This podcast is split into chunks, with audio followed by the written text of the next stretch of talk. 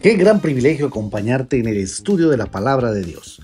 Bienvenido al podcast de la hora silenciosa de Palabra de Vida Guatemala. Descubriremos junto a ti los desafíos que Dios nos dará hoy a través de su palabra. Deseamos que hayas tomado un tiempo para leer con anticipación el pasaje del día de hoy.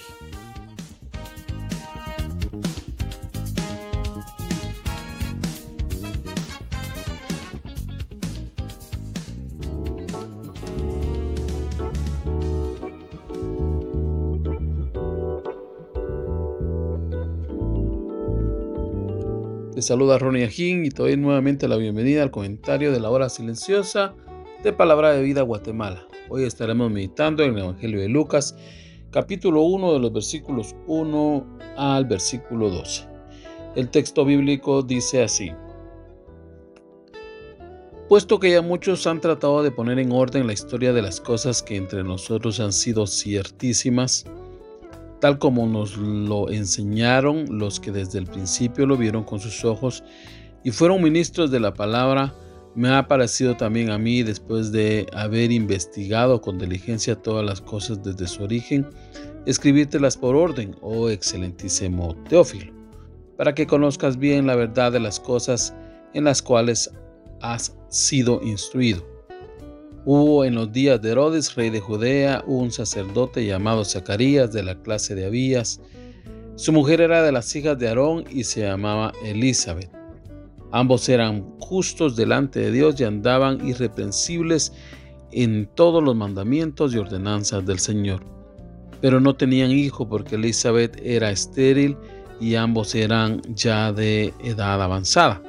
Aconteció que ejerciendo Zacarías el sacerdocio delante de Dios según el orden de su clase, conforme a la costumbre del sacerdocio le tocó en suerte ofrecer el incienso entrando en el santuario del Señor. Y toda la multitud del pueblo estaba fuera orando a la hora del incienso. Y se le apareció un ángel del Señor puesto en pie a la derecha del altar del incienso. Y se turbó Zacarías al verle y le sobrecogió temor. El Evangelio de Lucas es escrito entre los años 60 y 62 después de Cristo por Lucas y dirigido a Teófilo, el cual su nombre significa amante de Dios. Este posiblemente era un hombre de alto rango en el gobierno romano. Lucas es conocido como el médico amado, su origen es gentil y su posición como médico lo hacía moverse entre mucha gente de gobierno. Es por esa causa que tiene esta relación muy cercana a este hombre llamado Teófilo. Lucas empieza su narración hacia este personaje llamado Teófilo, mostrándole que otras personas también han escrito acerca del tema. Él dice que estos relatos han sido ciertísimos. Lucas no duda ni por un momento de lo que había sucedido. Dice que recibió información de aquellas personas que estuvieron con Jesús desde el principio y tuvieron la oportunidad de predicar el Evangelio. Ahora bien, dice el doctor Lucas, me ha parecido también a mí, después de investigar con diligencia cómo comenzó todo y ordenarlas para ti, oh excelentísimo Teófilo. Lo hago para que conozcas bien la verdad en la cual has sido instruido. Ya estos cuatro versículos nos colocan conociendo un poco más de la vida del doctor Lucas y su insistencia en compartir el Evangelio de Cristo. Creo que esto debe hacernos pensar en la insistencia que debemos de tener en predicar y usar los talentos que Dios nos ha dado. Como lo hizo él siendo doctor, tenía una posición en la que podía predicar a los médicos o a otras personas de la alta sociedad. El apóstol Pedro en su primera carta, en su capítulo 4, verso 10, dice, Cada uno según el don que ha recibido, ministrelo a otros como buenos administradores de la multiforme gracia de Dios. Si alguno habla, si alguno habla, hable conforme a las palabras de Dios. Si alguno ministra, ministre conforme al poder que Dios da, para que en todo sea Dios glorificado por Jesucristo, a quien pertenecen la gloria y el imperio por los siglos de los siglos. Amén. Yo agregaría a esto si alguno es mecánico, maestro, abogado, dentista, albañil, deportista, etc. Cualquier profesión podemos hacer uso de esto para compartir del Evangelio. Y Lucas lo hizo así con este hombre llamado Teófilo. Es de notar también que Lucas es un hombre muy responsable, pues dice que investigó con diligencia el mensaje que pretendía darle a Teófilo. No era algo que se había inventado, este hombre se documentó y dependió de Dios para hacerlo. Nuevamente aprendemos que para dar el mensaje bíblico debemos de estar preparados para presentar defensa con mansedumbre y reverencia ante todo el que demande razón de la esperanza que hay en cada uno de nosotros. Así era Lucas, un hombre que se dejó usar por el Señor. De los versículos 5 en adelante, el doctor Lucas nos relata un evento que se da en el gobierno de Herodes, rey de Judea. La historia trata de un sacerdote llamado Zacarías y su esposa llamada Elizabeth Dice el relato que ambos eran justos delante de Dios, eran irreprensibles en cuanto a la palabra de Dios. Qué gran ejemplo de esposos, pues sus vidas eran dirigidas y dignas de ser imitadas y usadas por la palabra de Dios como guía. Mis queridos escuchas, no dudo que solo jóvenes escuchen estos audios. Sé que también lo hacen personas mayores. Quisiera referirme a ustedes, que son esposos.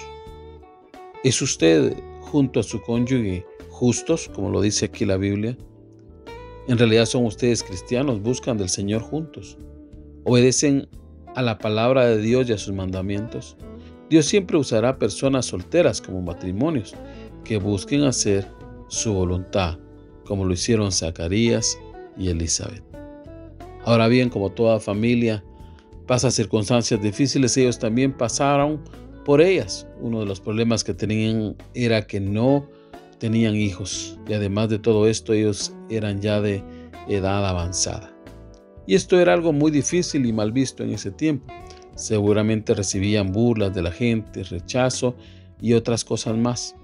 Zacarías era un hombre mayor y sin embargo trabajaba duro en la obra del Señor. Hoy día tenemos creyentes que no tienen privilegios y viven sin importarles eso. Como creyentes debemos servir en nuestras iglesias, ser útiles, haciendo lo que el Señor nos ha pedido. No desaprovechemos la oportunidad de servirle.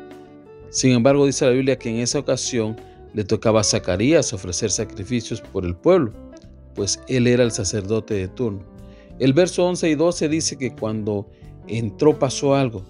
Un ángel del Señor se le apareció y dice que Zacarías se turbó y le dio mucho miedo. ¿Te imaginas que estás en la iglesia y te dispones a adorar al Señor cuando se te aparece un ángel? ¿Tendrías miedo? Yo creo que sí. Te invito a que no te pierdas mañana el audio que nos traerá Héctor Salazar, porque seguiremos viendo qué pasó con Zacarías. Por eso vívelo. Algunos principios que podemos tomar de estos versículos. Como Lucas podemos tomar las habilidades que Dios nos ha dado y usarlas para guiar a otros a Cristo. Debemos de prepararnos cada día estudiando la palabra de Dios para presentar la verdad de Dios ante todo el que la demande. También necesitamos hoy día tener en nuestras iglesias parejas de esposos que amen y busquen hacer la voluntad de Dios como testimonio de conocer a Cristo como su Salvador. Esto también es importante para aquellos chicos y chicas que hoy están solteros. Y por último, no importa la edad que tengas, Zacarías siendo un hombre viejo servía al Señor con entusiasmo. Tenía problemas como todos, pero su prioridad estaba en servir al Señor. Que el Señor te bendiga.